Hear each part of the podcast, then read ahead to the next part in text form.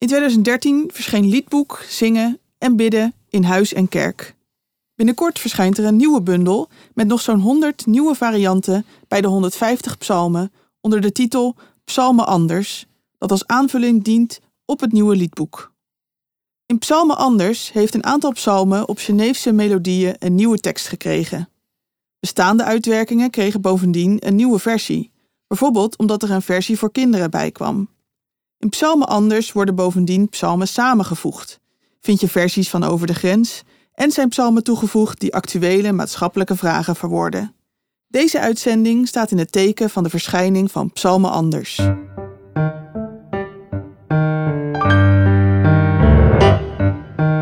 De Theologie-podcast gaat over wat vandaag speelt in kerk en in theologie en wil delen, inspireren en verdiepen. Roel Bos studeerde theologie in Kampen. Hij is predikant van de Protestantse Kerk in Nederland en was achtereenvolgens verbonden aan de gemeenten van Twello, Schiedam, Maastricht, in combinatie met IJsden en Zeist. Hij was eindredacteur van De Eerste Dag, handleiding bij de jaarorde van de Raad van Kerken in Nederland. Ook was hij lid van de redactie van Liedboek, Zingen en Bidden in Huis en Kerk. Verder werkte hij mee aan de bundel Opstaan, meer liederen en gebeden uit Iona, Glasgow en de rest van de wereld. Nou, welkom Roel, fijn dat je hier bent. Ja, dank voor en ik uh, ja. ja. zijn er klaar voor, zijn uh, benieuwd om met jou in gesprek te gaan. Leuk, we hebben het over de psalmen. Kun je eens uitleggen, waar hebben we het dan eigenlijk over? Wat zijn die, die psalmen? Uh, de psalmen staat in het midden van de Bijbel. Voor christenen en joden een uh, belangrijk poëzieboek waar 150 liederen in staan. In de Bijbel staan ze zonder muziek. We moeten maar uitzoeken hoe we ermee omgaan. Je kunt ze lezen, bidden, zingen. En, uh, in de Heb je een idee hoe ze ooit geklonken hebben? Uh, nou, ze niet allemaal op dezelfde manier. Dat weet ik in elk geval. Dus, uh, dus soms staat er een tekst boven van... op de melodie van Lelies van de Dageraad. Nou, dan denk ik een heel mooi uh, poplied uit de Joodse tijden... van, van 3000 jaar geleden. waarschijnlijk zullen er heel veel in beurtzang gezongen zijn. Want mensen hadden natuurlijk vroeger geen boeken voor zich... Dus wie had nou de tekst? Dus een, een elite had zeg maar, uh, die had de tekst in het hoofd. Of misschien ook al wel boek, op boekrollen. Maar de mensen zelf konden dan, als ze bijvoorbeeld bij de tempel stonden, die zongen dan een refrein terug. Dan de antifoon, refrein, dat soort woorden. Dus ik denk dat er veel dynamiek was in het zingen van de psalmen vroeger. Maar er zijn er ook bij, dat is echt de stem van een stille duif in de verte staat er dan boven. En dat is dan een klaaglied. Dat denk ik, dat heeft iemand in zijn eentje met een luid gespeeld, gezongen. En, zijn er bepaalde lijnen in die psalmen die vaker terugkomen? Zijn er 150. Uh, ja, dat is een hele studie op zich. Uh, ik denk uh, dat er heel veel in hokjes wordt geduwd door mensen die in een kerkelijk kader zitten. Dus er zijn veel psalmen die gaan over zonde, over dat ik fout heb gedaan, psalm 51. En dan, dat is dan een geliefde psalm in sommige kringen. Andere psalmen gaan juist over dankbaarheid. Maar ik vind het boeiende in psalmen dat het ook net gesprekken kunnen zijn. Dus dat er in één psalm zowel verdriet zit en boosheid en verlatenheid als ook dankbaarheid. En dat is eigenlijk zoals ik ook vaak gesprekken als pastor meemaak, als dominee. Dus juist niet in een hokje stoppen? Niet in een hokje stoppen. Ik denk dat je daarmee moet wachten met hokjes. Ja. En uh, muziek zet natuurlijk, hè, als je muziek kiest bij een psalm, dan zet je hem in een hokje. Want dat is, kan, uh, kan heel vrolijk zijn en heel plechtig. En soms zeggen mensen van een versie die nu in psalmen anders komt... oh, dat klinkt een beetje als een musicallied. En dan schrikken ze, want ze denken... psalmen moeten plechtig en gedragen, klinken. Ja, ja dat, is, dat is voor mij zeer de vraag. En voor, daarom hebben we het ook niet zo allemaal gedaan. Ja, en wat is dan een berijming? Dat raakt hier misschien aan. Ja, kijk, uh, hoe onthoud je de tekst van een psalm makkelijk? Uh, nou, dat is als je er een versje van maakt. Vier regels, allemaal regels die rijmen. En dan begin je opnieuw met vier regels en steeds dezelfde melodie. Dan heb je hem berijmd. Want rijm is in onze cultuur is dat een makkelijke manier om een tekst te onthouden. Geheugensteuntje. Geheugensteuntje. En je kunt er de volgende melodie, uh, tekst ook weer op maken. Dat zie je bij, bij huwelijksfeesten en zo. Dat doen we op de melodie van schrijven we allemaal een vers. Nou, dus dat was Johannes Calvijn is daar heel sterk in geweest. Hij was niet de eerste, maar om uh, ook Ambrosius. Er zijn ook kerkliederen die zo berijmd zijn ingevoerd. Want dan kan je in het doorgaande cadans kan je doorzingen. En dan uh, heb je één melodie nodig voor al die versen. Dat is heel makkelijk. Voor en je kunt ze samen zingen. Je kunt ze samen zingen, ja. Dus voor de didactiek is dat heel mooi, voor de gemeenschapsvorming is dat heel mooi. Maar als je berijm, als je een, een, zeg maar een tekst, uh, als je van een krantenartikel een berijming wil maken, dan moet je altijd iets toevoegen en iets weglaten om het te laten passen. En dat is ook met de Bijbeltekst zo. Dus die berijmingen hebben ook altijd een offer gedaan aan de tekst, de oorspronkelijke Want dat zat niet daarin. Dat zat daar niet in. Je moet er nog een beetje in aanvullen. Hè? Dus, of je moet zeggen, ja, dit staat in het Hebreeuws twee keer, dat vind ik te veel. Ik knip, het, ik knip de helft eruit. Dat is ook goed. Maar het boeiende is van de Hebreeuwse poëzie, dat is juist stapelen. Dus ze zeggen iets, maar ze zeggen het nog een keer en dan nog een keer. En dan volgend vers wordt het weer heel anders. En dat kan je in een berijming niet vatten. Dat kan je wel doen met andere kunstvormen, muzikaal. Hm, interessant.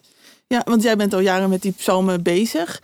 Waar komt dat vandaan? Waarom uh, gaat dat zo lang door? Ja, die psalmen hebben me gegrepen, denk ik, toen ik kind was. Ik zat in een vreselijk saaie kerk. Het was de aula van een school, dus het heeft al zonder meer geen glorie of glans. En hoe heette, welke kerk was dat het? Was, uh, dat was de Gereformeerde Kerk in Den Haag, uh, Benoordenhout. Ja. En Benoordenhout klinkt heel chic, maar het was de aula van het Montessori Lyceum. Benoordenhout is ook een beetje saai. Ik woon in Den Haag. Uh, kijk, ja, ja nou, inmiddels zijn ze samen met de hervormde... zitten ze in de Duinzichtkerk, dat is een prachtige kerk. Maar uh, daar was het saai, ik kon lampjes stellen. Maar mijn eerste religieuze herinnering was denk ik... dat ik het zo mooi vond om te zingen... rivieren klappen in de handen, de bergen jubelen het uit. Uh, in Den Haag heb je nooit de rivier gezien, hooguit het Verversingskanaal. Uh, en de bergen zijn er ook niet. Maar ik zag dat voor me. Dus en hoe oud was je toen? Ik denk een jaar of acht, ze, zeven. echt heel jong? Heel jong, ja, ja. En dat riep iets bij mij op, beelden. En ik denk dat die psalmen altijd door zijn gegaan met bij mij iets op te roepen. Welke psalm is dit?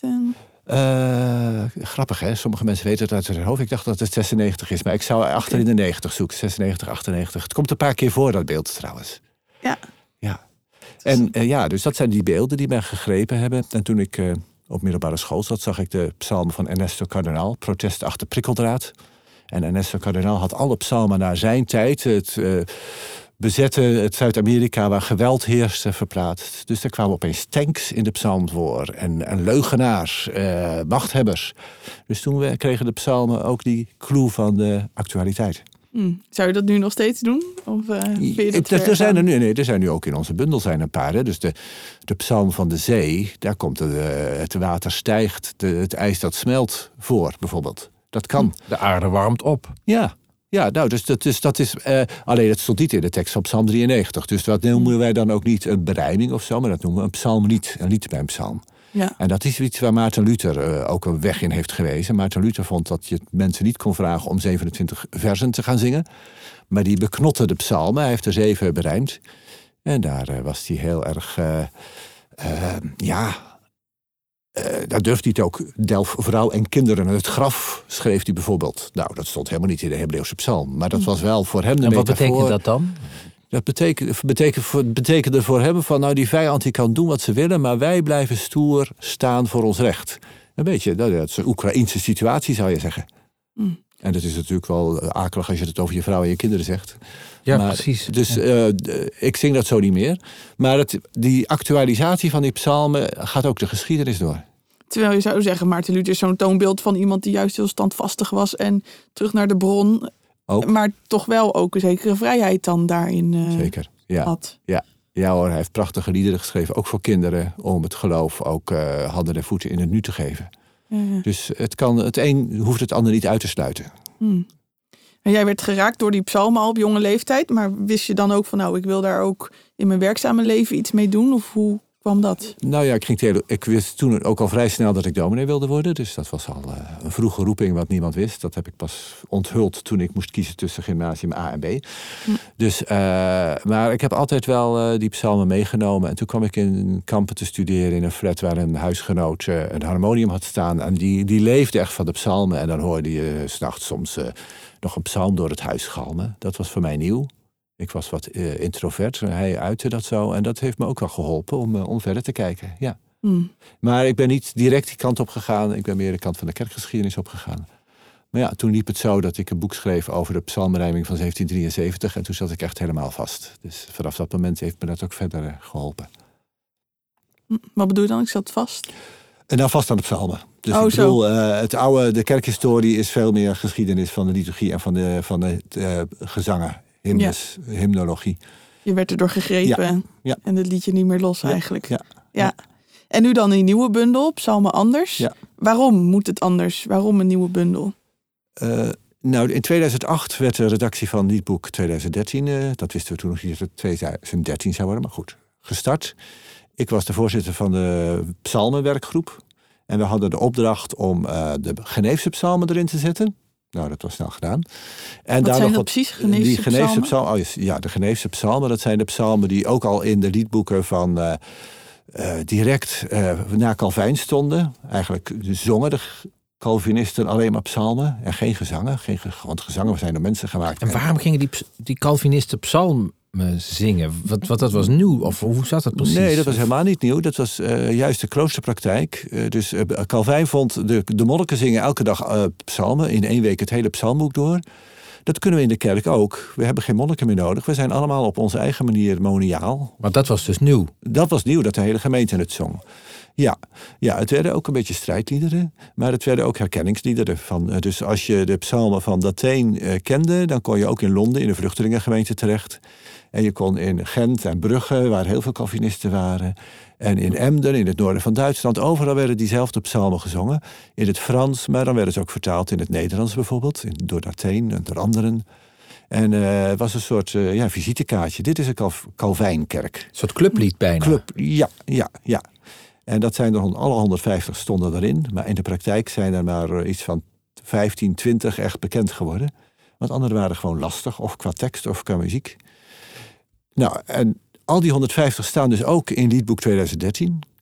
En daarvan zeiden we al in 2009, we waren dus als redactie een jaar bezig... en toen zeiden we, ja, dat is mooi. Maar we hebben 27 versies van Psalm 23, de Heer is mijn herder. Maar we hebben nul versies van eh, Psalm 58 of van 102 of 109.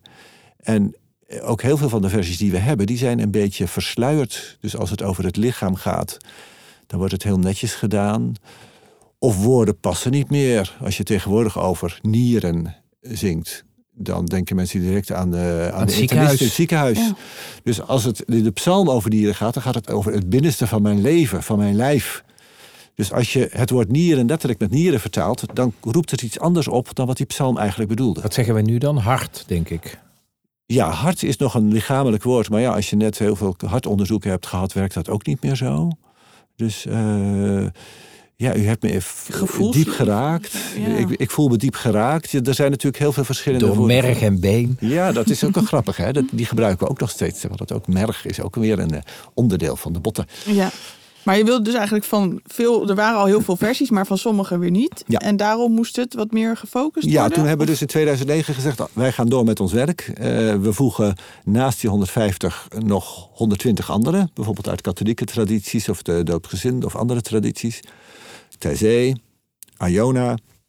Maar daarna willen we graag door, als het liedboek er is, om een aanvulling te maken voor de psalmen die gewoon nooit gezongen worden en niet gezien zijn. Want die verdienen het. En dat is dus psalmen anders geworden. Als je kijkt, zijn er eh, iets van tegen de 70 ps- van de meer dan 100 psalmen die niet verder in het liedboek voorkomen. Dus het was voor ons een beetje ook eerherstel van die zelden of nooit gezongen psalmen. Een soort afstoffen eigenlijk. Van, Ja, afstoffen en nieuw kijken en dan merken van, eh, weet je, sommige psalmen die waren misschien een eeuw geleden ook niet, eh, niet interessant. Maar nu kunnen we er wat mee. Nu hebben, we- nu hebben we ze zelfs nodig. mooi. Je noemde al eh, Psalm 58. Misschien Ja. kunnen we daar wat beter aan, naar kijken. Ja. Want eh, dat was ook een van de psalmen die mij eh, opviel. Ja. Als ook een hele doorleefde psalm, waar ook echt de woede in naar voren komt. Misschien wil je hem voorlezen voor Ja. ons. Ik zal hem voorlezen. Het zijn vier versen van vier regels. Ik bad mijn God die mij genadig was. Zie, Heer, de kwaden, talrijk als het gras. Breek toch hun tanden, kneus hun boze vuist. Blind voor het kwaad waarin ik zelf ook huis. Lijken de handen waarmee ik u bid niet op de tanden van een roofgebied? Zijn deze vingers, steeds als ik ze vouw, niet als twee vuisten in elkaar gebald? Ik wou mijn al door hem gewassen voet niet liever wassen in mijn vijands bloed, woedend en droevig, zodat ik vergat alle genade die ik nodig had. Toch blijft de woede levend in mijn hart, steeds weer herhaal ik wat ik eerder bad. Ik weet niet langer tegen wie ik vecht. Neem, Heer, mijn woede spoedig van me weg. Ja, mooi, dankjewel. Ja, die woede, dat zit Ja. er ook wel heel duidelijk Ja. in. Dat, dat voel je ook op een bepaalde... Ja, ja, ik voel het ook weer als ik het lees. Dus Ja? merk, ja, merk- dat vind ik ook, de psalmen raken mij vaak. Hè? Dan, eh, het komt dicht bij mijn hart, om het zo te Mm. zeggen. Ja. Ja. ja, dat viel ons op, dat woord woede. Het register op het liedboek heeft ontzettend veel woorden, maar het woord woede kwam er niet in voor. Past niet meer zo Pas in niet meer zo in onze tijd. Nu hebben we dus weer, dit lied heeft dat woord woede weer een plaats gegeven. Want het, ja, die woede, je hoort het. Ik kan me dat voorstellen bij mensen die eh, een ongeluk meemaken of een aanslag in, eh, in eh, Oekraïne of zo. Hè, dan, dat die woede klinkt. En het boeiende is dat de dichter hiervan ook weer omkijkt en naar zichzelf kijkt. En die vinger, eh, ja, die ene vinger wijst naar de andere, maar er wijst ook een vinger naar mezelf. Hmm. En Want dat er spreekt geen ook. woede op God uit. Nee, het spreekt woede eh, naar de mensen uit. Je zou dan eigenlijk ook de psalm zelf erbij kunnen pakken. Maar daar, daar zit ook niet die woede aan God in, maar die woede naar de mensen. En eigenlijk doet de dichter hier ook meer dan wat in de Bijbelse psalm staat. Eh, je merkt dat in dat, dat derde vers. Ik wou mijn al door hem gewassen voet, nu liever wassen in mijn vijands bloed. Ja, dat is eigenlijk een verwijzing naar Jezus, die de voeten Ja. van de leerlingen was. Mag dat wel? Mag in een oud-testamentische tekst, in een Ja. Joodse tekst verwijzen Ja. naar de Jezus van het Nieuwe Testament?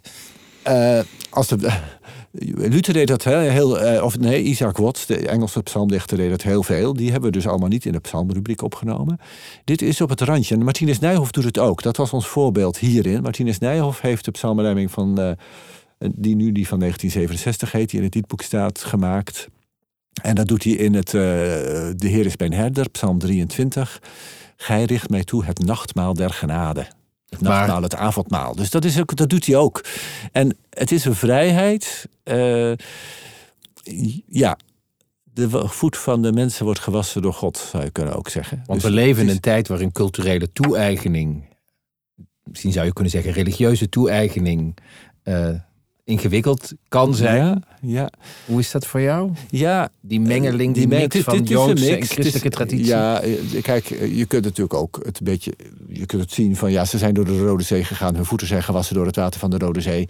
Dus je kunt er nog verschillende kanten mee op. Ik weet dat deze dichter zich daar niet op bekommerde. Dit is een dichter die we kennen uit de Nederlandse literatuur, omdat hij veel over woede schrijft. Daarom hebben we hem ook gevraagd. Hij schrijft hier Ja, onder want hij heeft ook een kerk, eigen kerkelijke geschiedenis. Ja, Of, eh, ja, kun je daar ja. iets over vertellen? Eh, ja. Waarom is die de- woede voor hem zo belangrijk? Willem Heida hebben we het over. Ja, dus. over. het- ja, ja, het is voor- belangrijk voor hem omdat hij de- zelf, om wie hij was, door zijn kerk eruit is gezet. Dus er zit een woede Dat in. klinkt een beetje cryptisch. Om wie hij was, door zijn kerk eruit is gezet. Ja, Zit daar eh, een groter verhaal achter? Er zit een groot verhaal achter. Hij schrijft niet voor niks onder pseudoniem. Eh, maar eh, het leeft echt in hem. En hij, voor hem was het een bevrijding om deze psalm te mogen, mogen maken. Hij heeft er nog eentje gedaan voor ons. En we wisten ook, we, we zochten bij de psalmen, dat was een soort, we waren ook een soort castingbureau. Dus wie kies je nou voor welke psalm? Dus de psalm over de zee, 93, die hebben we aan een Zeeuwse dichter gevraagd. En een Zeeuwse componist heeft de melodie gemaakt en die rolt ook echt. En zie je Zeeland dan? Ja, dat zie je die Gisteren, hebben, gisteren heb ik het met een groepje gedaan en er zat een zeeuw bij, Maarten Wisse. En die werd helemaal geraakt. Ach, Zeeuwser kan het niet, zei hij. Weet je nog een regel daarvan? Eh, dus, ja, dus de zee, de zee vol leven heeft gegeven, heeft genomen. Bijvoorbeeld. Nou, Ja. meer hoef je niet Ja, te zeggen. nee, Meteen prachtig. duidelijk. We Ja, zijn ja, in Zeeland. ja. Ja. Dus we, ons castingbureau zocht bij, eh, bij thema's ook, eh, ook liederen. Dus eh, ook, ook dichters en componisten. En dat is over het algemeen wonderwel goed geslaagd. Dus wat wij vinden is van veel psalmen... die zijn heel neutraal, keurig netjes vertaald. En ik krijg nog steeds voorbeelden ervan dat je denkt van... ja, er staat geen woord verkeerd... Maar er, gaat ook geen, eh, geen, er komt geen traan op in mijn oog of de, mijn hart gaat niet sneller kloppen. Nou, we hebben dus mensen kunnen vinden die dat wel met veel vreugde konden doen. Dus dat was je belangrijk dus in jullie ja, castingsbureau. ja, ja, dat het een zeker. bepaalde doorleefdheid Ja, heeft. ja, of ergens eh, ja, raakt. ja. Maar het is ook principieel, want dat geleefde geloof, die biografie, Ja. die zit van oorsprong al in een psalm, Ja, toch? ja, precies. Dus als, je, Dat is wat een psalm is. Dus als je dat mechanisch gaat vertalen, ook al rijmt het nog zo mooi en klopt het metrum, dan blijft het toch een dode tekst. En eh, ik denk dat dat. eh, nou ja, en dan is het net of het mensen aanspreekt. Ik vind dit een pittige tekst hoor, moet ik zeggen. Ik weet niet hoe vaak die gezongen zal worden. Tegelijkertijd hebben we ook Ja. voorbeelden van pittige teksten. waarvan ik weet, die zijn bij bijvoorbeeld bij de uitvaart eens een keer gezongen. dat het echt. Er staat ook in het, oude, in het liedboek staan ook al zulke teksten. Al komt het woede er niet zo in voor. Maar het is ook wel heel menselijk. Het is Ja. ook wel her- ja, herkenbaar voor alle menselijke emoties komen erin voor eigenlijk. Heb je daar een voorbeeld bij, bij die begrafenis? Nou, bij Psalm nieuwsgierig. 88 van, eh van Wiel Kusters, die staat dan in het liedboek zelf. Dus dat, is, eh, die, die, dat was toen wij dus met die redactie bezig waren. Toen hebben we zes dichters alvast een opdracht gegeven om het uit te testen hoe dat ging. En Wiel Kusters is er één van. En eh, dat is een gebed uit de diepte, Psalm 88. Komt geen enkel licht in naar voren. Hier lig ik God in de kuil. En er is niemand die mij ziet, niemand die mij hoort. En dat is eigenlijk kleinkunst. Ook de tekst erbij. Dus ik, er zijn wel uitvaarten geweest dat het bijvoorbeeld een CD werd gedraaid eh, van eh, Elise Manna, die dat inzingt. Maar je kunt het ook als een solist, eh, soliste voor vragen. En dat, dat, dat komt mensen dichtbij. En dat sluit aan bij de ervaring Ja. van rouw, van de verlatenheid Ja. en de verlorenheid als een geliefde er niet meer is. Ja, precies. En als je uit de diepte moet ik ook denken aan het nummer van S10, waar- waar je ook eh, Ja. een psalm in herkent. Eh, Ja. Tom is S10 van groot, het eh, Songfestival. Songfestival liefhebber, Tom, Ja, jij ook? Ja, ja zeker. Ja. Ja, ja, ik vind het ook boeiend om dat te zien wat er in, in, in popmuziek bijvoorbeeld aan levensliederen boven komt. Ja. Aan, aan, aan zingevingsvragen. En zingevingsvragen lijkt het altijd alsof er een antwoord op moet komen. Maar in veel van die psalmen zit ook geen antwoord. Ze kunnen, er, zoals deze ook, van... Ja, het, is een, ge- het, het eindigt weer met een gebed. Het begint met... eh, ik bad mijn God die mij genadig was. Dus dat is eigenlijk al een soort beleidenis. Maar vervolgens zit hij in de put. En dan eindigt het met... Neem, Heer, mijn woede spoedig van me weg. Maar nu zit hier wel heel duidelijk God in. En dan vraag ik me af, ehm, leeft dat godsgeloof nog zo in onze samenleving zoals dat in de psalmen wordt verondersteld? Ook in deze moderne variant. Ja, ja, ja, ja, ja, ja, ja dat, eh, dat op kruismomenten, in het kruispuntmomenten in het leven, komt er opeens veel meer boven dan je zou denken. Dus dat merk ik eh, zelf als ik met mensen van buiten kerk en geloof spreek. Dat ze soms opeens schrikken van een tekst eh, die ze eh, dan opeens heel mooi vinden. Dus, eh, Want je hebt het ook over, over buiten de kerk dus. En er stond ook ergens van, nou, de psalmen zijn geen exclusief bezit van de kerk. Hoe zie je dat? Welke context heb je op het oog met deze psalmen? Waar landen ze? De eerste landingsplaats is de, de eredienst, de liturgie van, van kerken. Maar dat kunnen ook huiskerken zijn. De bidden en zingen in huis en kerk stond voor het liedboek. En dat geldt hierbij ook. Vandaar dat er vrij veel liederen bij zijn waar akkoorden bij staan. Die kan je met gitaar spelen in een kleine kring. Eh, maar ik kan me voorstellen dat er ook eh, liederen in een, eh, ja, in een culturele setting naar voren komen. Of in het studentenhuis. Ik bedoel, dat was Ja. jouw eigen Ja, ervaring. eigen ervaring, ja, zeker. Ja. Kun je psalmen zingen onder de douche? Oh ja, ik wel in elk geval. Ja, ja, ja. Alleen hoop ik dan wel dat ik een vrolijke kies en niet. eh, die- Eentje over water. Zo woedende. Eentje over water. Ja, ja. De zee, ja. Mooi, want je hebt eh, binding met, met, de, met eh, sommigen hebben binding met de zee, maar anderen met eh, Iona. En dat is ook voor jou het geval. Wat, eh, ja, wat, wat, wat is daar de link met de psalmen ook? In Iona gaat het over ook tekstfragmenten en verinnerlijking. Ja, ja, ja. Iona gaat. Ik heb Iona leren kennen toen het dienstboek voor de Protestantse Kerk in Nederland uitkwam. Daar stond één lied in, dat kende ik nog niet. Wat is Iona precies? Iona is, eh, is twee dingen tegelijk. Eh, het is een eiland. Het is een eiland eh, aan de westkust van Schotland. Je moet eh, eerst het eiland Mul over en dan moet je nog een keer een bootje nemen. En dan kom je op het eilandje Iona terecht. Eh, Iona is Hoe lang ben je dan onderweg? Dan ben je, als je met, eh, met het ferry van IJmuiden naar Newcastle gaat, ben je toch al gauw 36 uur onderweg. Zo. Je moet ook een keer overnachten, anders, anders red je het niet. Eh, en dat is ook een soort pelgrimage op zich. Ook de reis is het doel. En dan kom je aan, dus ik ben er ook ik ben er vier keer geweest. Ook één keer met een groep studenten uit Nijmegen en Maastricht. En dan kom je op een eiland van zeven vierkante kilometer... waar een enorme geschiedenis ligt... van zowel druidale eh, gelovigen als van christelijke gelovigen. En in 568 kwam de Ierse monnik Columba op het eilandje Iona aan. Die stichtte daar een klooster. En vanaf dat moment is daar, daar vandaan de hele uitzwerving van monniken over eh, Noord-Engeland, Zuid-Engeland en West-Europa gegaan. Dus vanuit eh, daar kwamen ook de monniken in Nederland en bijvoorbeeld in de Ardennen terecht. En Iona eh, is eh, ja, lang vergeten geweest in zekere zin, totdat in 1930 een dominee in Glasgow, John, George MacLeod, het vreselijk vond hoeveel de mensen geraakt werden door armoede en geen enkel idee hadden van, eh, ja, van wat de kerk te bieden had. En hij kreeg vicaris de theologie, die geen enkel idee hadden hoe die arbeiders leefden. Dus toen is hij met een groep mannen, zowel theologen als arbeiders, die geen werk hadden, naar Iona gegaan om daar de Abbey weer op te knappen. Die was ingestort.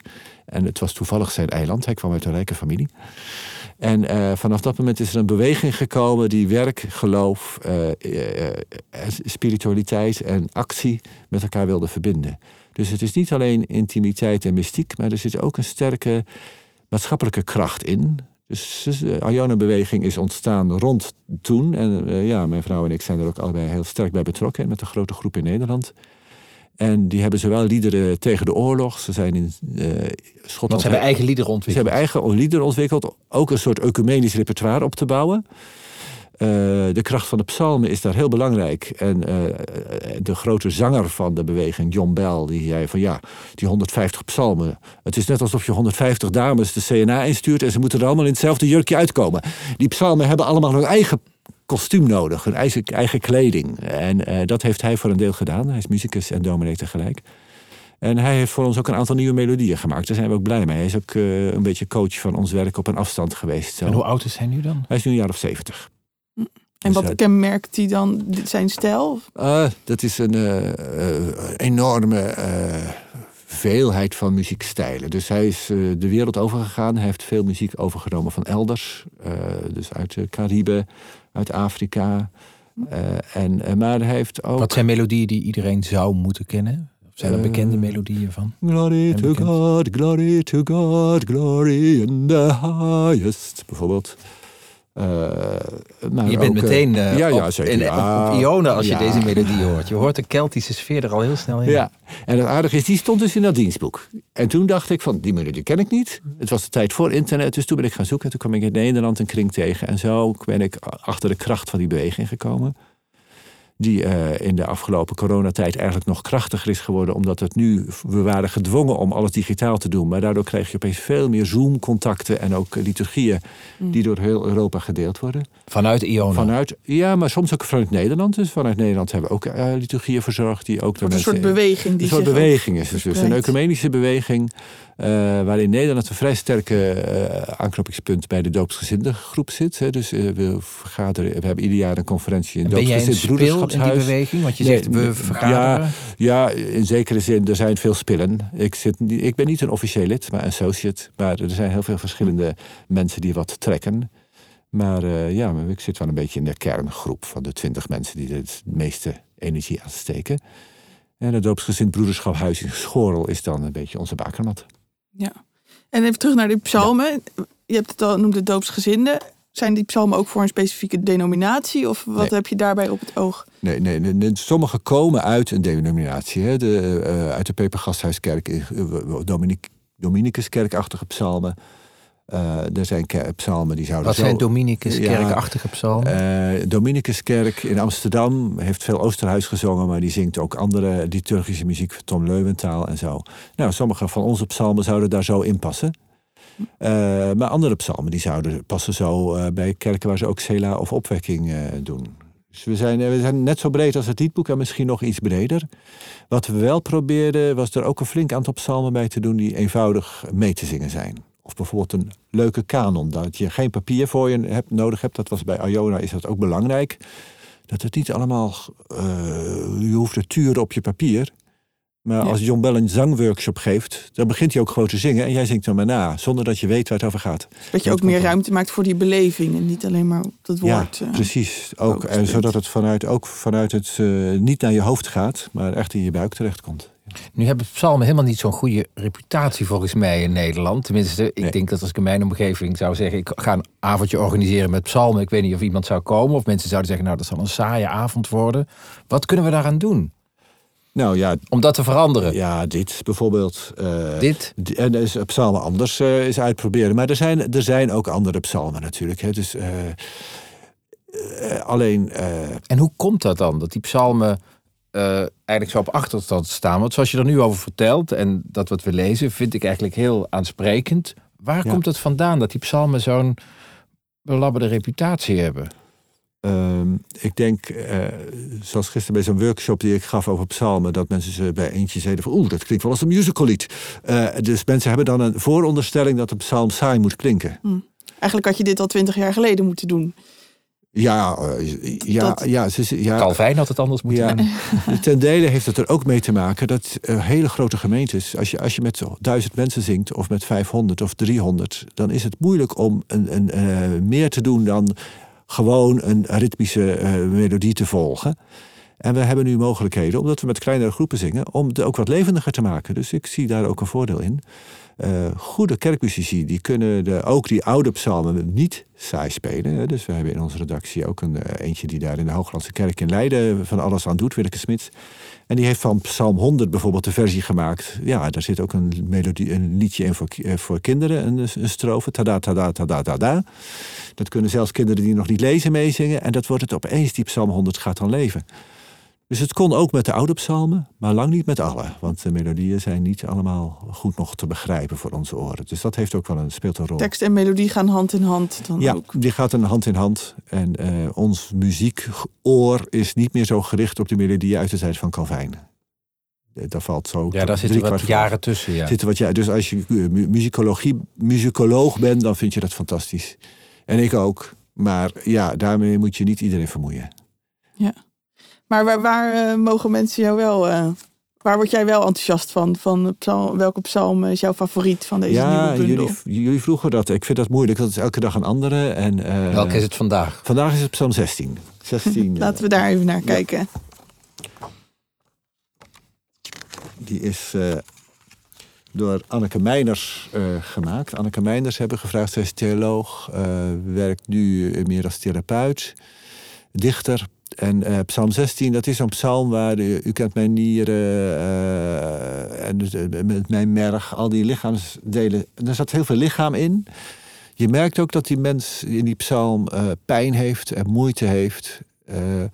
In het, mensen die de psalmen van, eh, uit de kerk, uit de Calvinistische traditie kennen. God heb ik lief, want die getrouwe Heer nam toen ik riep met toegenegen oren mijn smeken aan. Hij zal mij blijven horen en levenslang ben ik niet eenzaam meer. Prachtige tekst, maar ook een heel gedateerde tekst. En eh, daar heeft bij die melodie, het zijn, het, het- bij die tekst, het zijn twee lange strofen, heeft eh Geke Bruining een melodie gemaakt. Maar ik ga hem nu weer lezen. Ja. Hoe heb ik geworsteld, hoe heb ik gestreden? Mijn hart was een veldslag, mijn oog schoot vol vuur. Aan wankele waarheden heb ik geleden, totdat u mij vond, in mijn donkerste uur. Ja, s'nachts kwam u naast mij, uw hand nam mijn hand. Uw stem bracht mijn voeten naar rustiger land. Bij u ben ik veilig, u schenkt mij het goede. Nu adem ik leven, al zie ik de dood. De last van mijn schouders is onder uw hoede. Mijn lichaam wordt licht en uw liefde is groot. Voorgoed blijft u bij mij, geluk is mijn deel. U stroomt door mijn wezen, in u ben ik heel. Krijgt tranen in je ogen. Zie je. Jazeker, ja, ja, dat, is, eh, dat gaat ook weer door me heen. Net als die Ja, dat, dat is, hoort erbij bij de psalmen. Ja. En, en waar, waar start dat dan? Ik bedoel, Waar dat- tranen beginnen. Bij welke regel komt het dan? Gaan de schroeven los? Zoals een vriendin van mij wel eens zegt. ja, dat is een mooi. Ja, of dat een. Ja, schroeven los. Ja. Ik denk dat ik hier veel mensen in herken. Je ziet de mensen voor je. Ik zie mensen het voor me. Die worstelen. Die worstelen, die, maar die ook eh, dat om, ja, het idee dat je opeens niet alleen bent. Eh, ik heb de, we hebben deze psalm gekregen van haar en later pas hoorde ik hoe het ook een persoonlijke ervaring van haar was. Dat ze in een tijd van eh, ja, slechte gezondheid en niet weten waar het te zoeken, opeens 's nachts een hand gevoeld had. Dus ja, en twee dat- engelen zelfs, ja. eh, zei ze volgens mij. ja, ja. Dus de last. En dan vandaar, hè, dus als je het hebt over hoe maak je dat lichamelijk, de last van mijn schouders is onder uw hoede. En een hand is natuurlijk ook heel Ja, ja, lichamelijk. precies. een andere hand Ja. voelen Ja, ja. op ja. je lichaam. Ja. En u stroomde aan mijn wezen en nu ben ik heel.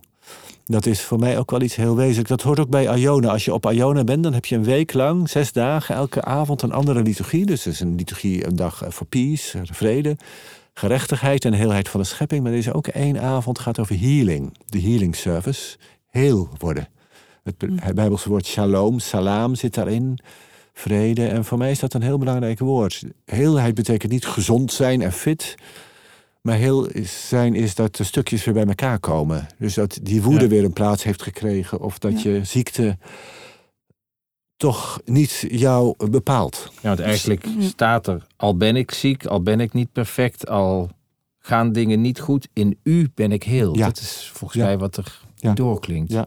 Ja, het Ja. gaat ook over de kern van het mens zijn of zo. Hè? Het wordt niet geschuwd, die, die moeilijke kanten, die, die nee. donkerste uur. En het komt dan allemaal bij elkaar. Ja. Dat is wel heel mooi. Zeker, ja, zeker in een tijd waarin we vooral in ons hoofd zitten. Dat dat lichaam ook helemaal meedoet. En Ja. de sensatie daarin.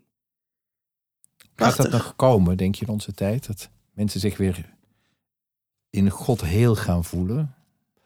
Ze zoeken dat het we- wel. Ik denk dat er heel veel zoektochten zijn. Of het nou eh, de naam God erbij genoemd wordt. Of de, hè, dus de, de interesse voor allerlei soorten van meditatie. Voor yoga. Voor, eh, dat is eigenlijk ook al, al 50, 60 jaar zo hoor. Dat was dan ook al toen ik ging studeren. Eh, het weten van ja, we kunnen nog zo vaak naar de dokter gaan. En de dokter, maar technisch is niet alles op te lossen. eh, technisch-medisch. Hmm. Ja, in, in eh, Maastricht heette de studie ook bewust niet medicijnen, maar geneeskunde. En dat is een kunde om te genezen, maar soms moet je daarmee ook besluiten van ik doe nu even niks meer. Maar heel worden, daar heb je, heb je een andere weg voor nodig. De weg van de psalmen. De weg van de psalmen, prachtig. Ja, Ja. Mooi, dankjewel eh Rolf voor het eh, delen. En eh, nou, er staan nog veel meer mooie psalmen in natuurlijk, die we nu niet hebben kunnen bespreken. En over een paar dagen komt, komt dit boek uit en kunnen iedereen in huis en kerk daar zelf van gaan genieten. En voor nu veel dank Tom, maar ook Rol. Ja. En, nou, ik ben benieuwd waar dit gaat landen. fijn. Nou, ik hoop dat ze goed gezongen gaan worden. Ja, Hopen wij ook voor je.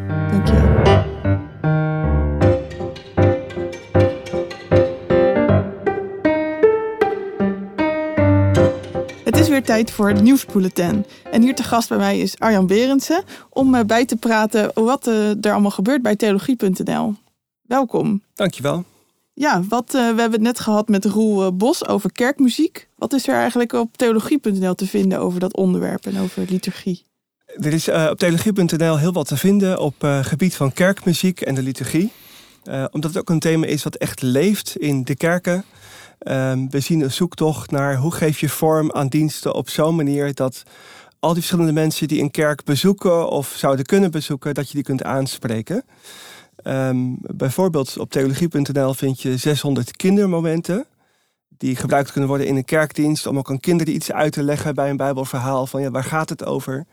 Eh, spiegelverhalen, vergelijkingen, mooie voorbeelden. We zien dat die ook veel gebruikt worden door eh, kinderwerkers in het jeugdwerk van kerken. Ehm, om op die manier eigenlijk ook nou, als onderdeel van eh, niet alleen diensten, maar ook op andere momenten kinderen te betrekken bij wat er gebeurt in de kerk en kerkdienst. En hebben jullie ook iets over psalmen? Daar hebben we het net over gehad. Ja, zeker. De psalmen zijn natuurlijk heel erg eh, trending, zou je kunnen zeggen. Dat speelt al wat langer. Ehm, eh, we hebben ook een aantal theologische tijdschriften aan boord. Uh, is daar eentje van.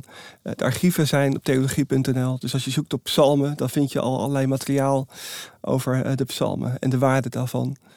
We hebben ook um, voor de beroepskrachten veel preekschetsen staan. Dat zijn er zo'n beetje pak een beet nu uh, 1200. Uh, dus je kunt ook zoeken op een psalm waar een dienst over gaat en eens kijken wat staat daarin. Uh, is daar een dienst bij die ons aanspreekt waar we wat mee kunnen? We hebben ook specifiek materiaal voor lekenprekers, dus niet theologisch geschoolde volgangers. Ook dat is een trend in de liturgie, waar we graag iets mee doen. Uh, en ook daar uh, zal materiaal te vinden zijn waar een link ligt tussen een viering samen of een huiskamerviering of een kring.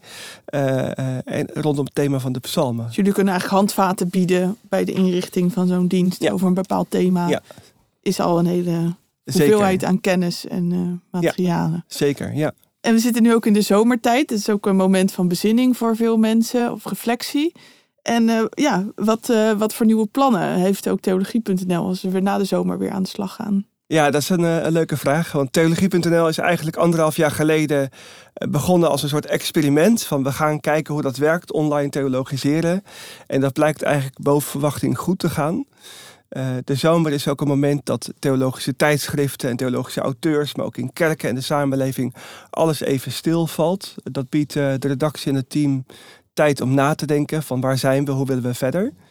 En een heel concreet voornemen is om dit najaar de vormgeving van theologie.nl uh, geheel te herzien. Dat is al best snel na anderhalf jaar.